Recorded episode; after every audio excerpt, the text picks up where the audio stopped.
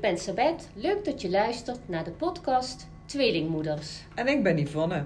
Vandaag hebben we te gast Ronald, tweelingvader. Hoi Ronald, welkom. We hebben inmiddels tweelingmoeders in de podcast gehad. En uh, daar, was de tweeling nog vrij jong van, rond een jaar. En jij bent tweelingvader en die tweeling is inmiddels al 29 jaar. Dus een hele andere leeftijd, ook een andere tijd waarin uh, jouw vrouw zwanger was en waarin jullie kinderen geboren zijn. Zou jij je even willen voorstellen aan de luisteraars? Ja, ik ben dus een tweelingvader. ik ben dan blijkbaar de eerste tweelingvader die bij jullie aan tafel zit. Ja, heel leuk. Uh, mijn naam is Ronald. En uh, zoals je net aangaf, uh, heb ik een tweeling van 29 jaar, een jongen en een meisje. En ook nog een eenling die daarna geboren is, een meisje. Ja.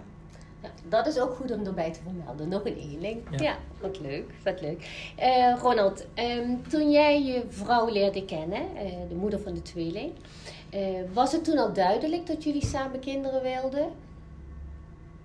Ja, ja? Het was niet een toeval, nee. Nee, nee, nee maar het was echt kinderen. wel, jullie wilden echt ja, zeker. Wel, ja. wel kinderen. Ja, we, waren, we hadden echt uh, gezegd, ja, we willen gewoon kinderen mm. krijgen. En uh, mm. dat ging toen ook vrij snel, moet ik zeggen. Ja. Ja, dat, kijk, vaak zie je ook dat mensen er over gaan praten, maar soms gaat het ook gewoon heel, is het gewoon vanzelfsprekend. Hè? En vooral nu is het vaker dat het nog meer gepland is, maar in die tijd ja. Ja, was het eigenlijk gewoon, je ging trouwen en je kreeg kinderen, huisje. Ja. Huisje, boompje, beestje. Ja, nou ja, wij hadden dat wel in feite gepland. Dus we hebben er wel over gehad dat we het leuk vonden om uh, voor kinderen te gaan. Dus het ja. kwam niet zomaar uh, nee, met een ooievaar aanvliegen. Uit de lucht vallen. Nee. en uh, wanneer wisten jullie ja, dat je vrouw zwanger was? En, en wanneer wist je dat het een tweeling was? we wisten al vrij snel dat mevrouw zwanger was. hè, met, een, met een test die we deden. Um, en de tweeling wisten we natuurlijk iets later, nadat wij doorverwezen werden voor een echo. Dat was in die tijd nog niet zo heel uh, makkelijk. Hè. Naar mijn idee moest dat in het ziekenhuis gebeuren. En werden we toen door de voetvrouw uh, verwezen naar het ziekenhuis voor een echo. Met z'n tweetjes zijn we naartoe gegaan. En mochten we ook nog een videoband meenemen.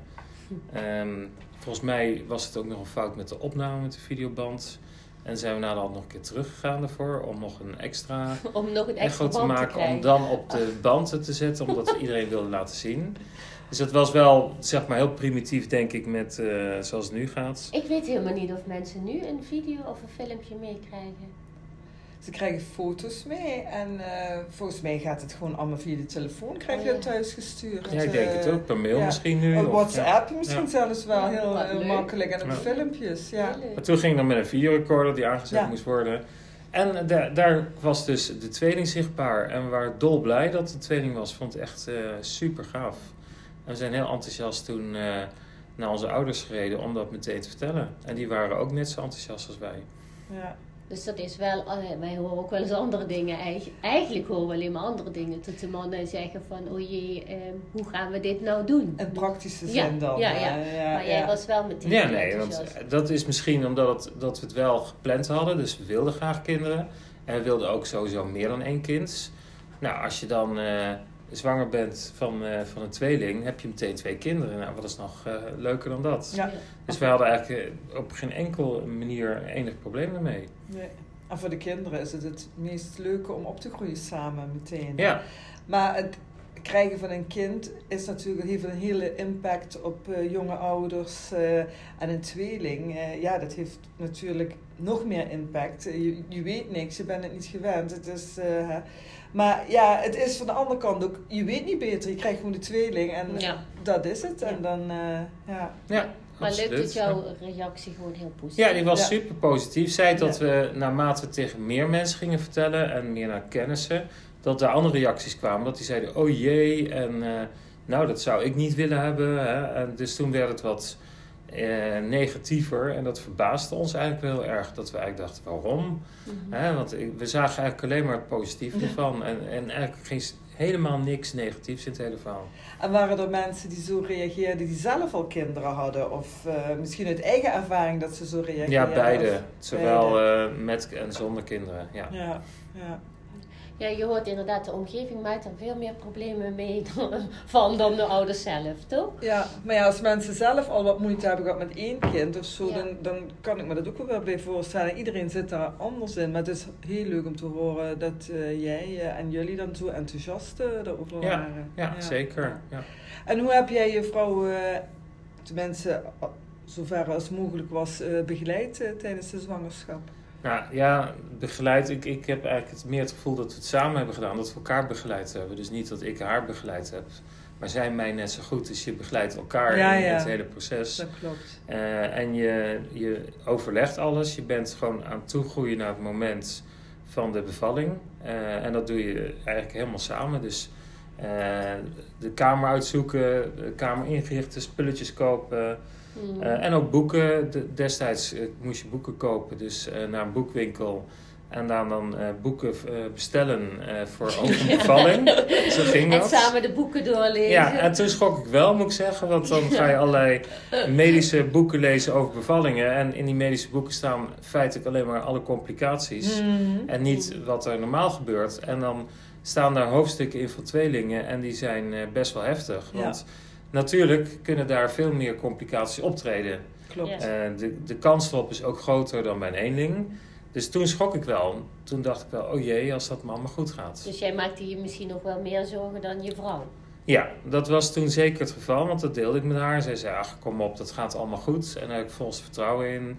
Eh, maar ik had wel eh, toen eh, meer het idee van, het is een, een groter risico dan bij een eenling. En eh, dat wil je natuurlijk gewoon niet meemaken dat er iets fout gaat. Ja. Dus eigenlijk, als ik het goed begrijp, hoe meer informatie je kreeg, eh, hoe meer zorgen je eigenlijk ging maken. Ja, Ja. ook dan word je daarna doorverwezen van de vroedvrouw naar eh, de gynaecoloog. Ja. Omdat het een tweeling is. Ja. Eh, je weet dan eigenlijk ook dat het een ziekenhuisbevalling wordt. Dus op een gegeven moment eh, word je toch meer bewust van het feit dat het wel iets heel bijzonders is. Ja. En dat, dat, dat er dus ook eh, meer dingen eh, ook fout kunnen gaan. Ja. En dat er een eerder grotere kans op vroeggeboorte Mhm. eh, en andere complicaties. Ja. En jij ging ook iedere keer mee naar, Ja. naar de gynaecoloog. Ja, omdat het, ja, net dat begeleiden, je doet dat samen. Dus je gaat eh, samen naar al die gesprekken om zoveel mogelijk informatie Mm. te krijgen. Mhm. En dit is ook naar mijn idee een proces wat je samen doet. Ja. Ja. Ja. Dus je hebt wel het gevoel dat je er ook heel erg bij betrokken bent geweest door de gynaecoloog, maar en door je vrouw, door, je, ja, door iedereen Ja. eigenlijk. Ja, en je hebt heb- zelf die rol op je genomen. Ja, ik heb geen enkele twijfel dat ik daar buiten stond omdat ik dan eh, man ben. Maar ik heb altijd het gevoel gehad dat het met z'n tweeën gedaan is. Ja. ja. Mooi. En, en die zorgen die je kreeg toen je ging lezen eh, en meer informatie tot je kon nemen, eh, heb je die met iemand kunnen delen? Eh, heb je daarover kunnen praten met de gynaecoloog? Ja, ja, Of, natuurlijk wel eh, met de gynaecoloog uh, met, in, in gesprekken en ook met, met mijn vrouw natuurlijk. Daar hebben we er wel over gepraat. Um, en op zich um, heeft die gynaecoloog niet dat... Ja, die heeft natuurlijk gezegd dat het, dat een kleine kans is en dat hij dat hele proces... Hij gaf wel vertrouwen, moet ik zeggen. Dus het was wel een man, een ervaren gynaecoloog, ja. die ons beiden heel veel vertrouwen gaf. En dat neemt wel een stukje zorg weg, dat Ja, is Absoluut. dat zeker. Ja, dat is wel fijn. Ja. Ja. Ja, ja, Hij zei ook heel duidelijk dat hij zelf de bevalling wilde doen. Dus ook als hij er niet was, dat hij dan gebeld zou worden. En dat hij dan uh, de bevalling zelf uh, zou willen doen in het ziekenhuis. En dat is ook uiteindelijk gebeurd? Uiteindelijk is dat ook gebeurd. Zei dat dat uh, toch wel moeilijker lag dan in eerste instantie bedacht. Omdat de gynaecoloog die dienst deed toen we daar waren in het weekend... eigenlijk dat niet wilde doen. Die wilde zelf de bevalling doen. En die wilde dat ook met een keizersnede doen. En we hebben toen best wel uh, discussie moeten voeren om toch onze gynaecoloog, die we kenden en waar we vertrouwen in hadden, om die uh, uh, te laten bellen. En die kwam meteen, zonder enkel probleem. Die zei dat is ook afgesproken, kom meteen. Oh.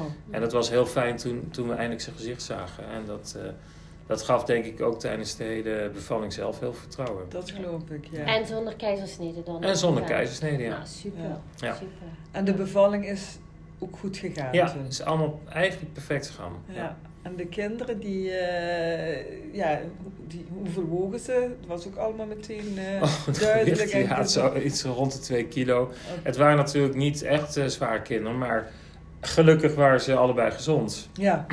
Ja, en ehm, moesten ze in het ziekenhuis blijven of konden Ja. ze met jullie mee? Ja, ze moesten eh, op de couveuse afdeling blijven. Ehm, en ja, ze gingen meteen weg. Op zich vond ik dat wel een moeilijk moment. Eh, ten eerste eh, was de bevalling ook wel een beetje gek, omdat we eh, op een kamer lagen. We moesten naar de operatiekamer in het geval dat het toch op het laatste moment een keizersnee verricht moest ja, worden. ja, dat is ook logisch. dan. Omdat eh, beide kinderen in stuitligging lagen. Mhm. Ehm, en eh, het bed waar mevrouw op zat, die eh, paste niet eh, door de deuren in de lift. Dus ze moest nog op het laatste moment midden in de, de weeën overgeheveld worden op een ander bed. Eh, en toen we in de operatiekamer aankwamen, schrok wel. Er stonden, naar mijn idee, wel 12, 13 mensen, misschien zelfs nog meer. Dus eh, verschillende anesthesisten, chirurgen, alles stond klaar. En dat was opeens sta je midden in een, een medische eh, laboratoriumomgeving. En dat is toch wel iets anders dan dat je het bedenkt. Ja. En plus er stonden Je- mensen... Je, je droombevalling ging Ja. opeens eh, een andere wending krijgen. Ja, en daarnaast eh, waren er toch een aantal ogen op mij gericht. Want ze, ze waren bang dat ik eh, flauw zou vallen of zo. Dat ik zou schrikken van bloed. dus op zich vond ik het ook wel eh, heel bijzonder. En de bevalling ging gewoon eh, super. Ik vond het echt een hele mooie bevalling. Alleen, ik vond het wel heel jammer dat de kinderen meteen weggepakt werden. En afgevoerd, min of meer. Zo voelde ik het. En dat ik Ja. dacht, ja, ik wil eigenlijk dat ze erbij blijven. Maar Ja. ja, dat, dat, kon- dat kon niet. Dus ze eh, verdwenen. En toen had ik wel met mijn vrouw eigenlijk afgesproken dat ik eh, ehm, naar de kinderen zou gaan. Ze zou volgen. Maar op dat moment besloot ik toch bij mijn vrouw te blijven. Ja. Maar je hebt ze ook niet even kunnen zien? Of, of, eh, ja, in een flits. In de flits? Ja. Dus eh, niet mogen vasthouden, Nee, niks? helemaal niet niks. meteen Nee. Naar de couveuse Ja, meteen eh, omringd met mensen, Oh, met gespannen gezichten. Waardoor Ja. ik ook nog het idee kreeg dat er iets fout Ja, was. dat begrijp Ik ik. vond ze vrij zenuwachtig ogen, de mensen. Eh, behalve de gynaecoloog zelf, die, die gaf toch wel vertrouwen. Maar de, de mensen omheen vond ik toch wel een beetje zenuwachtig rondlopen, snel, snel beslissen. En het, het gaf niet echt het idee van jongens, het is allemaal eh, super in orde. Ja. Wat het wel bleek achteraf. Dat blijkt, want nu zijn ze inmiddels 29 En en, het gaat eh, goed. Gaat heel goed met ze. jong volwassenen. Ja. En het gaat goed met ze, Ja. gelukkig. Ja. Maar jij bleef toen op dat moment bij jouw vrouw Ja. en de kinderen gingen weg. Eigenlijk in afwijking van hetgeen we hadden afgesproken met z'n tweeën. Ja. Eh, besloot ik daar toch om bij mijn vrouw te blijven. Ja. Zeker ook omdat ik begreep dat de kinderen, dat ik er niet bij kon. En de goede handen waren. En goede handen waren, ja. Ja, ja. ja. En dat de mensen, om, eh, ja, dat de kinderen omringd waren door allerlei zorg. Ja, en voor je vrouw was het toen een hele impact. Ze heeft het Zeker. niet gezien en Ja. dat ging ook allemaal heel snel. Ja, Dus het is ook fijn dat je haar dan even Ja. kon ondersteunen. En ik denk dat dat ook het hardste nodig was op dat moment. ja absoluut. Ja, Ja. De kinderen hadden waarschijnlijk niet eens geweten of Nee. ik er wel of niet bij was. Nee, maar voor mijn denk vrouw was het heel belangrijk. Ik wil je niet teleurstellen, maar ik Nee. denk... Nee, zo is het. Zo Ja. is het. Goed, ja. ja. Mooi. En ehm, ze zijn zo lang in het ziekenhuis moeten blijven. Oh. Ja, ze zijn ehm, eh, meer dan een week in het ziekenhuis gebleven. En eh, dat, op zich valt het wel mee. Eigenlijk zo lang is het ook weer niet. Ja. En je vrouw ging toen, die bleef ook in het ziekenhuis? Ja, de eerste paar dagen wel. Ja. Maar die kwam na een, eh, een korte week weer eh, thuis. Ja, ja. En, en eh, kregen jullie toen nog ehm kraamverzorging verzorging na de... Nee, het is zo dat ehm, er geen kraamverzorging was, omdat eh, ze in, al verpleegd werden in de couveuse afdeling. Dus dan kreeg je niet eh, kraamzorg. Eh, op zich ehm, hebben we dat ook niet echt gemist. Tenminste, ik heb het niet echt gemist. En want bij de eenling vond ik eigenlijk de kraamzorg eh, meer een staande weg dan, eh, dan wat anders. Ik Dat is weer een ander onderwerp Ja, dan. maar oké, dat is inderdaad niet dit onderwerp. Maar ik, bedoel, ik vond het eigenlijk wel heel eh, relaxed om dat met z'n tweeën te doen. Ja, maar die eenling was natuurlijk, kijk, als je eerst een tweeling krijgt en daarna een eenling, dan is dat Dan appeltje ben je ook geen hulp. Nee, Ja. dan denk je, ja, eentje, dat, dat Ja. draai ik mijn handen niet Ja, voor om. ja. Nee, dat is zo. Dat het valt dan inderdaad qua zorgactiviteit wel mee. Maar het, de bevalling blijft natuurlijk Blijft hetzelfde. Blijft of En ook hetzelfde. risico. En Ja. daarnaast ligt het natuurlijk ook nog aan het kind. Als je een huilbaby hebt of Ja. een kind die allergisch is, et cetera, kan het voor meer Ja. zorgen, zorgen dan... eh, Maar Ja. we, we hebben wel begrepen dat er nu dus wel ehm, nog kraamhulp is voor eh, eh, kinderen die uit de couveuse komen. En vind je dat dan wel een goed idee? Heb je wel zoiets van, nou dat is toch wel fijn voor de ouders? Ja, ik denk dat het per situatie verschilt. Ik kan me zeker voorstellen dat het voor heel veel ouders heel goed is. En eh, En dat, dat ze er gebruik van kunnen maken is natuurlijk altijd beter. Het is Mm. eigenlijk raar dat het niet destijds het geval was. Mm. Kijk, je kunt eh, natuurlijk altijd een, eh, op een gegeven moment als het aangeboden wordt ook zeggen ik maak er geen gebruik van. Maar dat je er gebruik van kunt maken is natuurlijk altijd beter. Ja. Ja, ja. Ja. En hoe heb je de eerste weken na de bevalling en toen jullie er alleen voor stonden met de kindjes, hoe heb je die ervaren? Nou, ik moet zeggen dat het eh, een geweldige periode was. Dus ik voelde me echt euforisch toen eh, na de bevalling. Hm. Ik was echt, ik had zoveel energie en eh, eh, ik vond het ook super om ze te kunnen verzorgen. Ja. ja. Dus ik, ehm, ze, de bevalling was op een zaterdag en eh, op maandag moest ik eh, weer werken. En als ondernemer, ja, ook al zou je vrij kunnen nemen, kun je gewoon geen vrij nemen. Het bedrijf draait door. Ja. Eh, maar ik heb eigenlijk geen enkele seconde ook maar het gevoel gehad dat ik niet volledig met de kinderen bezig kon zijn. Dus tussen het werken door heb ik alle tijd gepakt om de kinderen op de couveuse afdeling te verzorgen. Ik heb ook meteen gevraagd, eigenlijk geëist dat ik alle voedingen zou doen, dag en nacht. Ehm, en dat ging ook prima. Ik vond het superleuk om te kunnen doen. En ze wachten ook tot ik aankwam eh, iedere keer om de, zodat ik de voedingen kon doen.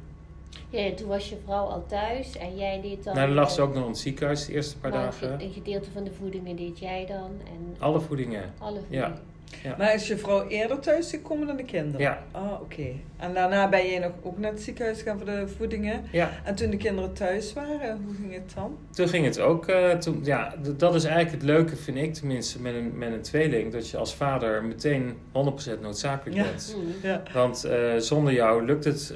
Ja, het kan natuurlijk ook, alles kan, maar het wordt wel een stuk complexer. Ja. En de eenling is natuurlijk één op één, maar met Ja. een tweeling, ook met voeding en ook met Mm. borstvoeding geven, is het natuurlijk wel zo dat je dan eh, heel belangrijk bent om, om alles te faciliteren. Dat is ook zo. En eh, ja, met z'n tweeën kun je die tweeling wel veel beter verzorgen dan eh, in je eentje. ja.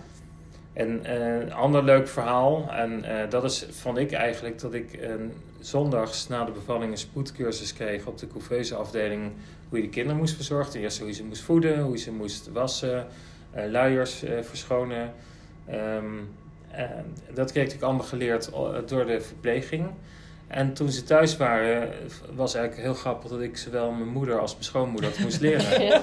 Die waren het weer kwijt. Die waren het gedeelte kwijt, Ja, maar ook ja. een tweeling is toch net wat anders dan Ja. een één kindje Ja. verzorgen. Ja. En de volgorde en hoe je het aanpakt, het Ja. is iets complexer. Ja. En wat dat had ik natuurlijk en dat goed geleerd en al eh, meer dan tien dagen ervaring om het eigenlijk continu te doen. Ja. Dus ik wist precies hoe het moest. Nou, dat is wel heel Ja. leuk Ja. eh, Ja. om te horen. Ja. Ja, Dus dan was je meer ervaren dan eh, de dames. Ja. Dan de oudere dames.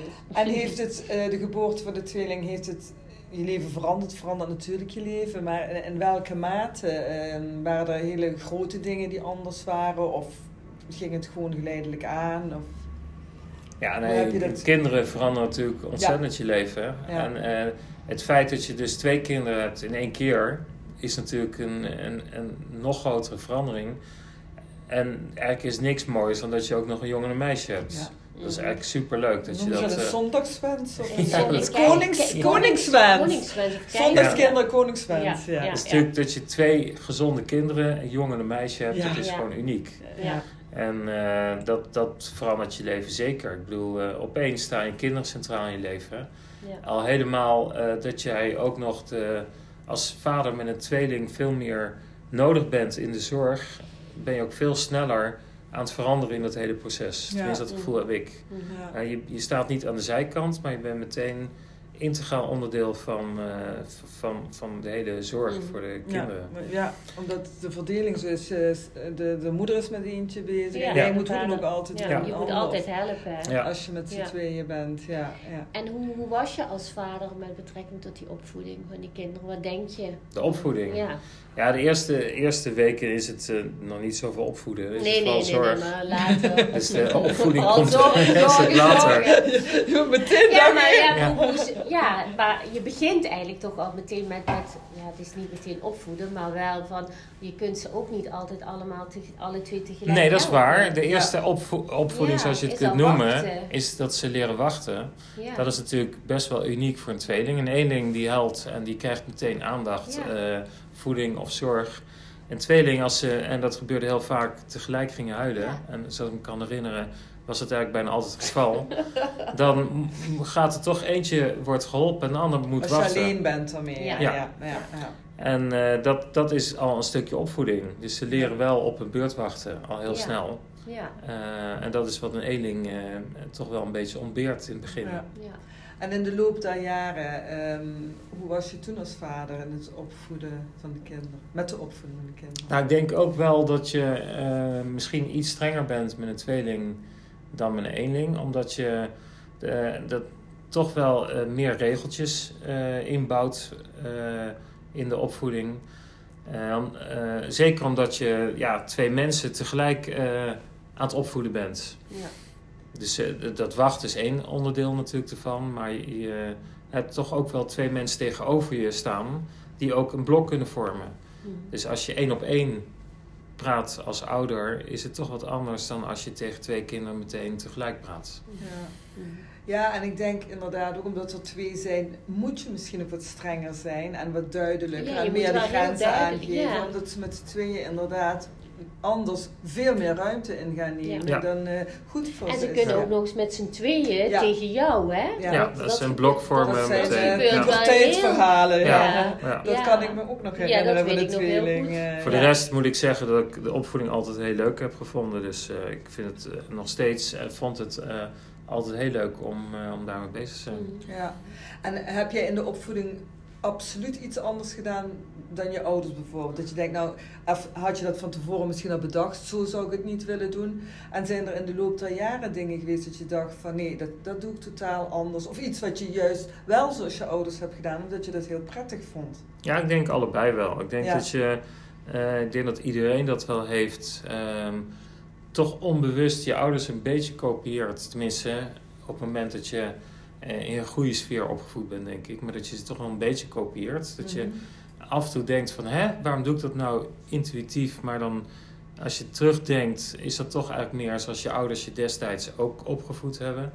Daarnaast eh, ben je heel erg bewust van de fouten zoals jij die ziet in de opvoeding die jij hebt meegekregen. En die probeer je in ieder geval anders te doen. Ja. Ja. En dat is ook gelukt. Ja, dat is denk ik wel redelijk gelukt. Eh, maar het kan natuurlijk altijd beter. Ik bedoel, het is nooit perfect. Je- Misschien is Maar- het wel dat je dat niet zo goed van jezelf kan zeggen. Ik denk dat de kinderen eh, misschien meer kunnen zeggen van... Ja, die vinden dat, het, eh, dat je streng was of niet streng Ja. was. Ja, dat is, is best wel Ja, de lastig, kinderen kijken ik. natuurlijk inderdaad een, op een hele andere manier eh, naar, de, naar die tijd dan jij. Ja. Ik merk ook wel, dat heb ik zelf ook als ik met mijn moeder praat over mijn jeugd, dat ik een ander beeld heb ervan dan zij. Dus Ja. dat ik gewoon denk, zo was het. En dan zeggen ze, nou, dat is totaal Ja. niet waar. Ja, ja. Eh, ik weet dus niet meer of wie nou gelijk heeft. Maar datzelfde is natuurlijk wat ik merk met mijn kinderen. Dat zij terugdenken aan een jeugd en dan een idee hebben, terwijl ik me daar ook niet in herken. Maar ja, die kinderen zitten dan ook in een andere beleving dan de volwassenen. En ik denk dat het voor iedere ouder geldt. Iedereen, ga ik vanuit, heeft de beste intenties. En er zullen altijd dingen zijn dat je achteraf denkt, hm, had ik het maar zo of zo gedaan. En dat de kinderen het inderdaad anders zien. Ja. Maar, en dat is ook niet erg. Kijk, in En het grote wordt- geheel... Wordt iets van streng, is, was voor, on, voor ons gewoon onrust, denk ik, als ouders. Dat je denkt van, nou, je wil dat, dat ze zo laat thuis zijn, omdat je anders Zorgen. zorgen hebt. Ja. over. En ze- kinderen Ja. zeggen dan van, nou, je was wel streng, want we Ja. moesten zo vroeg thuis Ja. zijn. Dus het, het wordt ook anders uitgelegd, Ja. vaak, denk Ja. ik. Ja, dat vind ik dan nog dingetjes dat ik denk, oké, dat hoort bij de opvoeding. hè. En ook in de puberteit, dat ze een beetje gaan eh, stoeien en kijken hoe ver eh, hè, kan Maar ik vond- handelen. dat deden die van jou, dat deden die van mij. hè? Dat hebben we al tig keer gezegd. Maar oké, kijk, in- in- nu is bijvoorbeeld de genderneutrale opvoeding eh, toch meer van deze tijd. Ja, En eh, dat, zo hebben wij dat eigenlijk niet eh, neergezet. En dat is wel iets, als je nu praat met je kinderen, dat ze dan zeggen van... eh, wat, wat raar dat eh, een jongen dan jongen speelgoed kreeg en een meisje meisje speelgoed. Ja. En nu zou je dat inderdaad anders doen, Ja. terugkijkend. Ja. ja maar ja, dat is ook voor iedereen anders. Ik, eh, er zijn ook, die doen het van nature en er ligt van alles en de kinderen spelen daar of Ja. daar mee. En je hebt ouders die inderdaad willen dat de jongens met de auto en de Ja, meisjes met poppen. En dat heb je nu nog, maar ik denk wel wat jij zegt, dat er wel meer aandacht voor is. Ja, bewuster. Je bent Ja. er nu bewuster mee bezig. Ja. En destijds, Eigenlijk niet. Nee, maar er bestond dat woord ook nog niet. Nee, nee, ook, ook qua kleding eh kleden je dan toch meer een jongen als jongen en meisje Ja. als meisje. Ja. Ja, En ook nu zou je daar toch anders eh, tegen eh, aankijken. Ja. ja. En, en ook nog een ander ding. Toen was er ehm, geen vaderschapsverlof.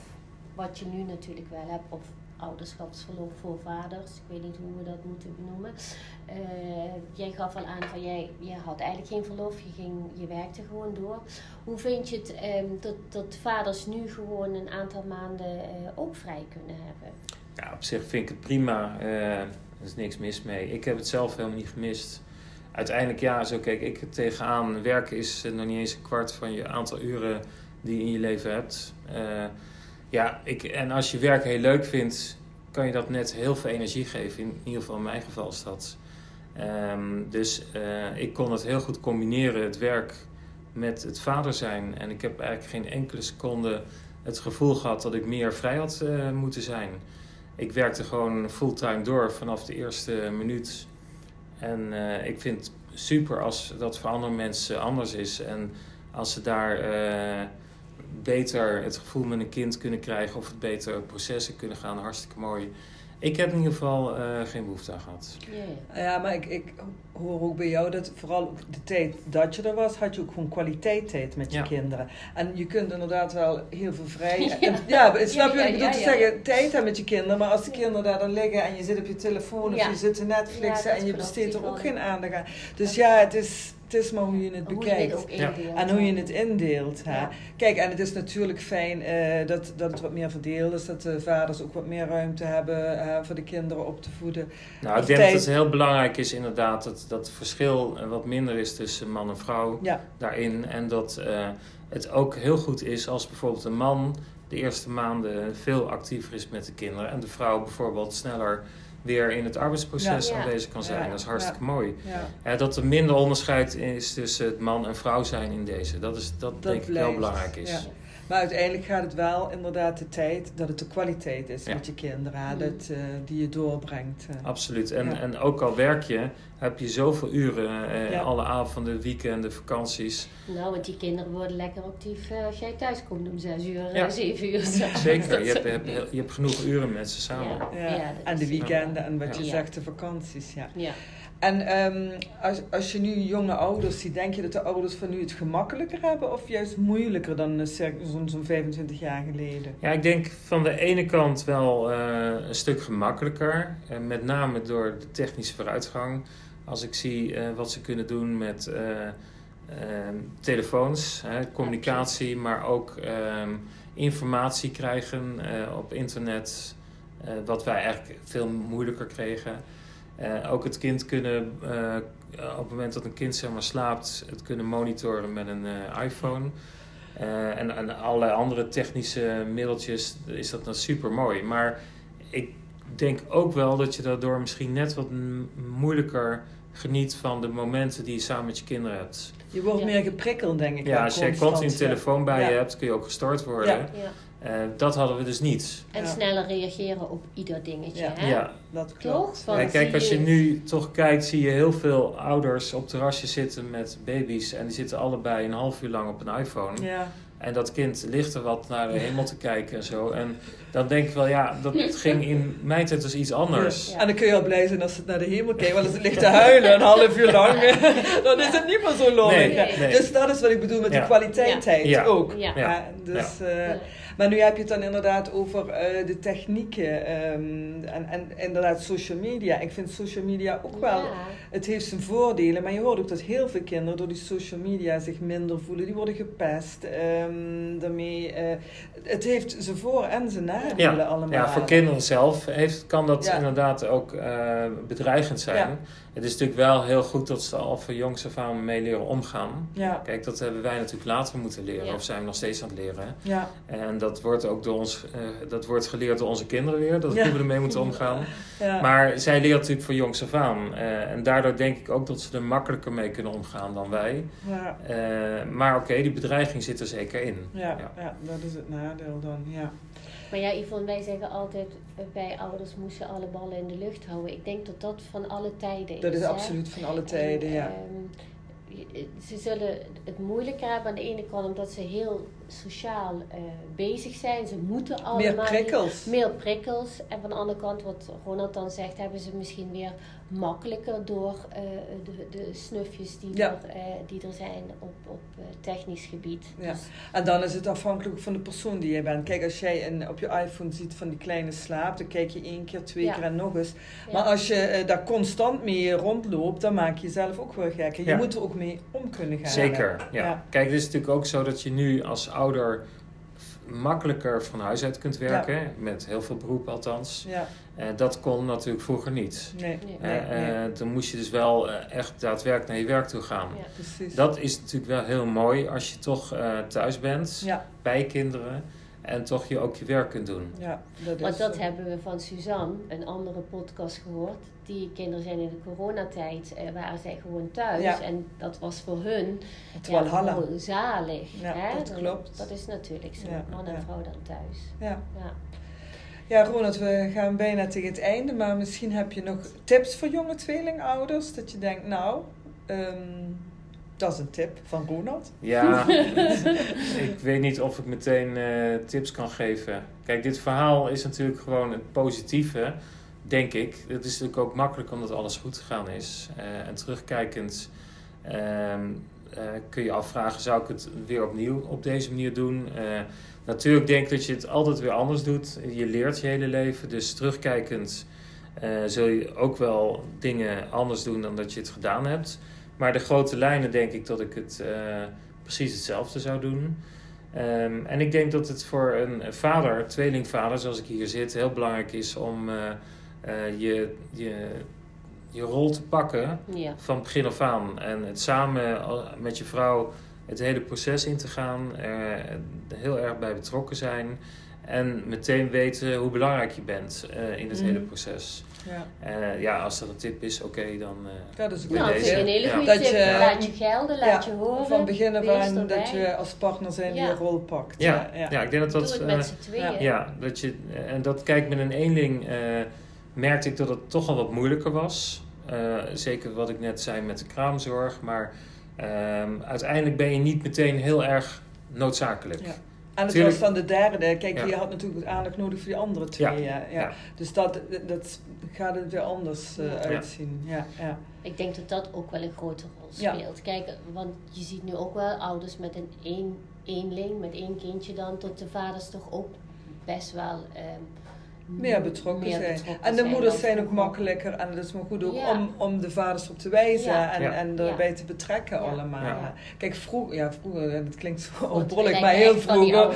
Ja, dan was het toch meer allemaal de rol van de moeder. En uiteindelijk eh, is het heel mooi dat het langzaam om, langzaamaan eh Ja, meer, meer gezamenlijk. eh, Zeker, heel belangrijk, ja. Partners Ja. samen, ja. En heb je misschien nog een leuke anekdote? Vraag maar altijd, is geen verplichting. Hoeft niet, Hoeft maar heb je nog Nou ja, ik, ik, ik had hem eigenlijk net al een beetje gegeven. Ik vond het eigenlijk heel grappig dat ik die twee Ja. eh, moeders eh, Ja. eh, moest leren, Ja. zeg maar, de kinderen te verzorgen. Ik heb dat altijd als heel, heel leuk ervaren. En Ja. hebben we ook met z'n drieën hartelijk om moeten lachen. Ja, kun je Dat nu zij nog om dat, eh, lachen. ja, ja. dat was echt heel grappig. Ja. Absoluut, dat Ja. vind ik een hele leuke Ja. anekdote. Dat is een mooie. Ja, dan Mooie willen we je afsluiter. precies hartelijk bedanken. Heel leuk ehm, dat je de tijd hebt genomen om bij ons eh, in de podcast deel te nemen. Wij eh, leren er ook altijd weer wat van en eh, vinden het fijn om eh, nieuwe mensen te leren kennen. Ja, super bedankt. Ja, nou, ik vond het heel leuk om aanwezig te mogen zijn. En eh, ik, als, ook zeker als tweelingvader, om iets te mogen vertellen aan jullie. En ik vind dat jullie een eh, hele leuke podcastserie eh hebben Yes. gecreëerd. Nou, Daar doen leuk. we het Dankjewel. Dankjewel, applaus. nou, wij zeggen nog samen Ja, de quote op. en Zoals die is, altijd. Ja. Als je goed kijkt, kun je iedere dag iets moois zien.